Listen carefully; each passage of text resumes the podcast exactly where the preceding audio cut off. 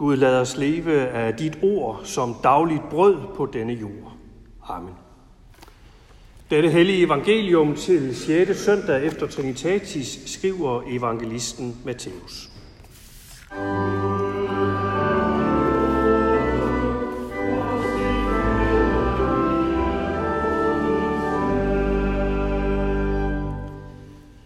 Og se, der kom en hen til Jesus og spurgte, Mester, hvad godt skal jeg gøre for at få evigt liv? Han svarede ham, Hvorfor spørger du mig om det gode? En er den gode. Men vil du gå ind til livet, så hold budene. Han spurgte, hvilke? Jesus svarede, du må ikke begå drab, du må ikke bryde et ægteskab, du må ikke stjæle, du må ikke vidne falsk, ær din far og din mor, og du skal elske din næste som dig selv. Den unge mand sagde, det har jeg holdt alt sammen. Hvad mangler jeg så? Jesus sagde til ham, vil du være fuldkommen, så gå hen og selv hvad du ejer og giv det til de fattige, så vil du have en skat i himlene. Og kom så og følg mig. Da den unge mand hørte det svar, gik han bedrøvet bort, for han var meget velhavende. Og Jesus sagde til sine disciple, Sandelig siger jeg jer, det er vanskeligt for en rig at komme ind i himmeriget. Ja, jeg siger jer, det er lettere for en kamel at komme igennem et nåleøje, end for en rig at komme ind i Guds rige. Da disciplene hørte det, blev de meget forfærdet og sagde, hvem kan så blive frelst? Jesus så på dem og svarede, for mennesker er det umuligt, men for Gud er alting muligt. Amen.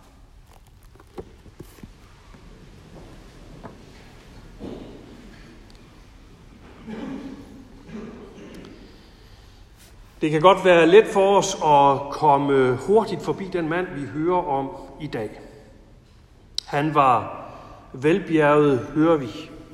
Han havde sit på det tørre, og de fattige ville han ikke hjælpe. Så allerede fra første færd kan vores sympati for ham ligge på et meget lille sted. Men der er noget over ham, som jeg alligevel synes, vi må have med. Ifølge historien her kommer han til Jesus på eget initiativ. Det er værd at mærke sig. Jesus har ikke provokeret ham frem. Og han er ikke blevet sendt i byen af nogen for at sætte en fælde op for Jesus. Nej, han kommer på eget initiativ. Af fri vilje. Det vil sige, han kommer med en indre længsel og tørst i sit liv. Og det er måske i virkeligheden det, der er vigtigst ved ham. Vi hører, at han både er ung og meget rig. Og det er altså noget af et særsyn at møde unge og rige, der åbent giver til kende, at de mangler noget. At de har en indre åndelig længsel, som de ikke kan få stillet. Men her er der altså en, en ung og rig, der træder ærligt frem og giver udtryk for, at han midt i sin ungdom og midt i sin rigdom alligevel mangler noget afgørende i sit liv. Det er et yderst godt og vigtigt træk ved den her mand. Og så en ting mere. Han kommer ikke med en tørst efter noget af det sekundære, som Jesus og kirken kan give mennesker. For eksempel livsvisdom, eller kraft til at stå udfordringer i tilværelsen imod, eller omsorg, eller fællesskab. Nej, den her mand kommer med en længsel og en efterspørgsel efter det egentlige. Efter det, som Jesus og kirken tilbyder som det absolut første og største nemlig det evige liv. Hvad godt skal jeg gøre for at få evigt liv? Det er det, vi møder i dag. En ung og rig mand, der vedkender sig sin egen længsel og tørst efter noget, som ikke kan fyldes af noget andet i livet ellers. Evigt liv. En længsel efter det, der var ved, også når rynkerne indfinder sig, når indkomsten smuldrer, når vennerne vender en ryggen, når ens kære falder bort, og når man selv står på randen af sin grav. Og gennem hele sit liv har Jesus forkyndt, at der netop er noget, der holder og varer ved og rækker ud over alt andet i tilværelsen.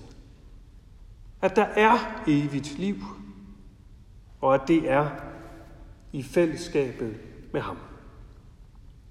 Og præcis det er der nu en ung og rig mand, der efterspørger af ham. Der er noget at lære for os andre her, tænker jeg. Jeg mener, det er så let her i et velstående land med en god og tryg hverdag, en rimelig økonomi og en acceptabel moral, og have nok i det. Han nok i sin bankbog, i sit liv, i sin hverdag, i sig selv. Så man inderst inde mister længslen, tørsten, sulten, efter det i tilværelsen, som langt overgår alt andet i kvalitet og i holdbarhed, nemlig det evige liv, Guds evige kærlighed i fællesskab med Jesus Kristus. Hvad godt skal jeg gøre, for at jeg kan få det evige liv?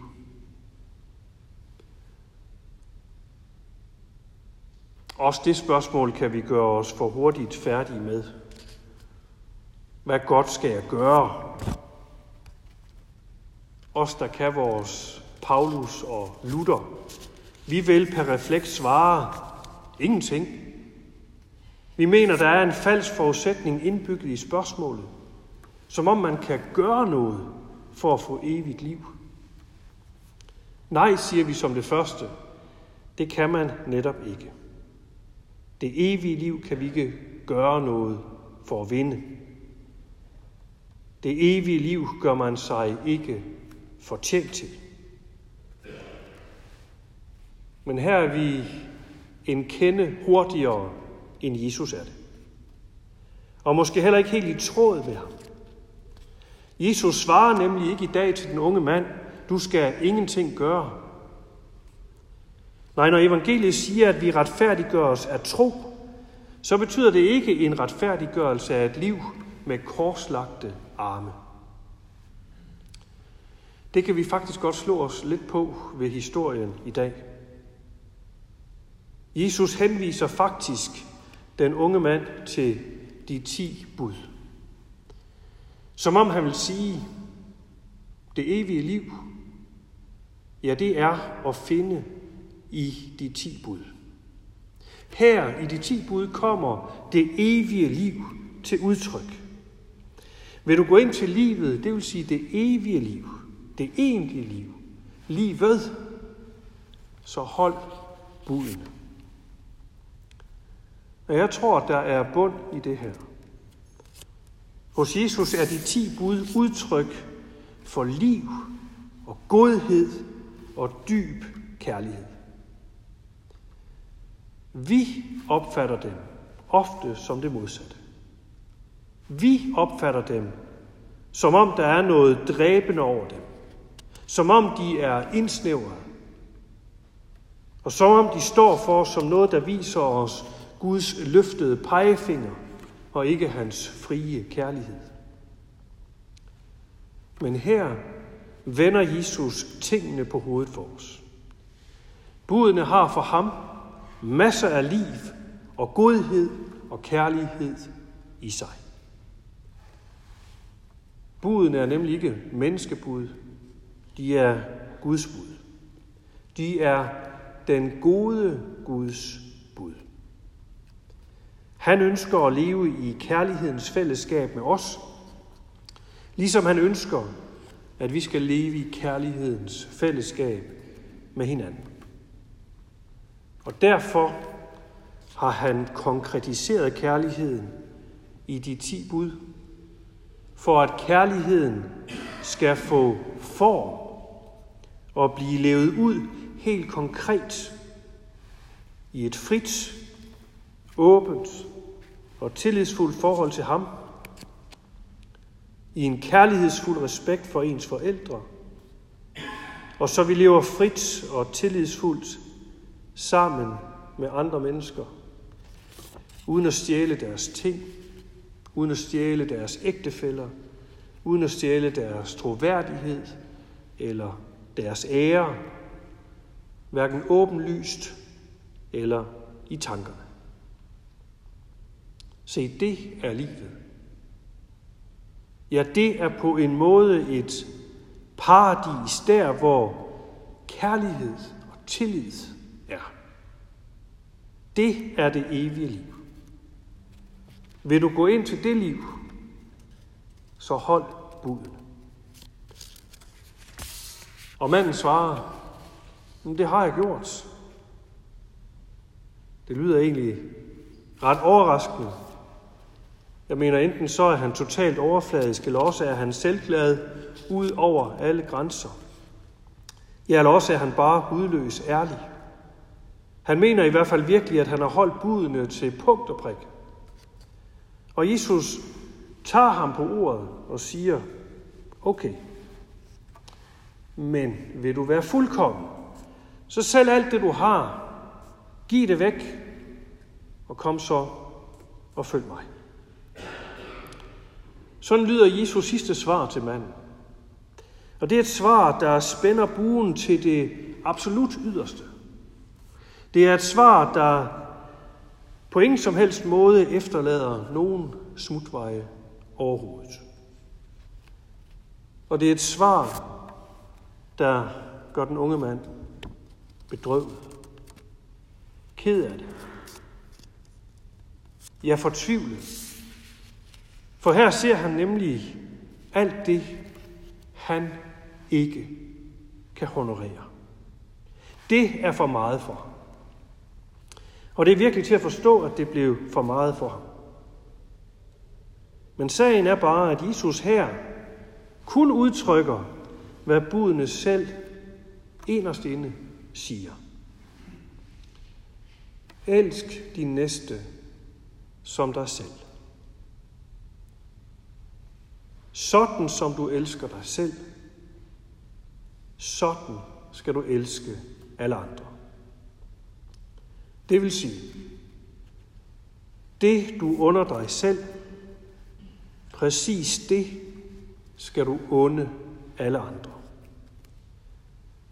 Det du mener du selv har brug for, præcis det skal du give til alle andre.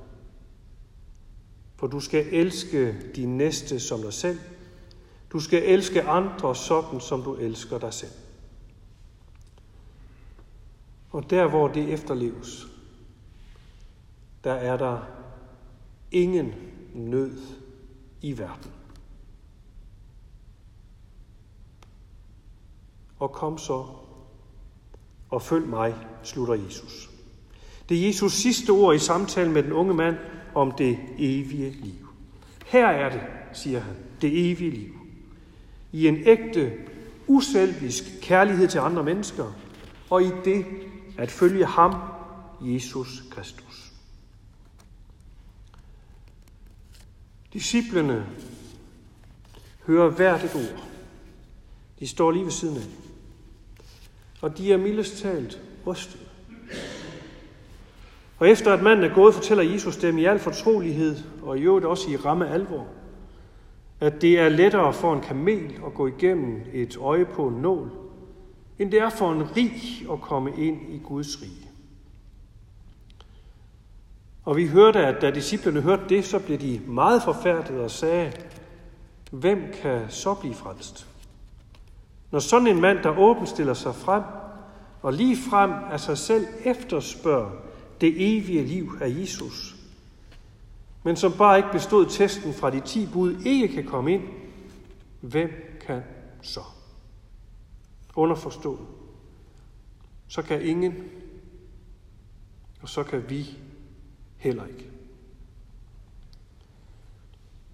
Og så er der noget enormt befriende i at høre, hvordan Jesus herover for sine disciple, både dengang og i dag, for forkyndt det, der først og sidst er det kristne evangelium. Han siger nemlig til dem, for mennesker er det umuligt, men for Gud er alting muligt. For Gud er alting muligt. Her hvor bunden er nået og panden er løbet imod, lige der kommer redningsordet. Lige der kommer det, som ingen kan sige sig selv, men som kun kan høres af Guds egen mund. Alt er muligt for Gud. Også det at bringe det evige liv til dem, der ikke selv kan finde ind til det. Gud kan. Han kan række os det. For ham er alt muligt. Han har netop sendt sin søn til os, for at vi skal finde ind til godhedens og kærlighedens åbne og frie liv med sig og andre mennesker. Og det finder vi, det evige liv, ved at følges med Jesus Kristus. Ham har Gud sendt til os for at give os, skænke os evigt liv. Det er derfor, det gælder om og følge ham. Lov og tak og evig ære være dig, vor Gud, Fader, Søn og Helligånd, du som var, er og bliver en sand treenig Gud, højlovet fra første begyndelse, nu og i al evighed. Amen. Herre, vor Gud, himmelske Far, vi takker dig, fordi du i din korsfæstede og opstandende søn Jesus Kristus indbyder os til at leve kærlighedens frie fællesskab med dig og med hinanden. Nu beder vi dig, fyld os stadig mere med din ånd, så vi tager imod din indbydelse i tro, i håb og i kærlighed. Så takker vi dig for din kirke på jord og her hos os. Vi beder for vores sovn og for det liv, der rører sig i det. Vær du nær hos alle, der lider nød. Se i noget til de syge og ensomme, til dem, der skal dø, og til dem, der mangler håb og mod til at gå morgendagen i møde. Vi beder for vort land og for alle dem, der er blevet betroet et ansvar for det. Vi beder for regering og folketing. Vi beder for dronningen og hendes familie og for alle andre familier. Ja, forbarm du dig over os alle, nu og i al evighed. Takket være din søn, Jesus Kristus, vor Herre. Amen.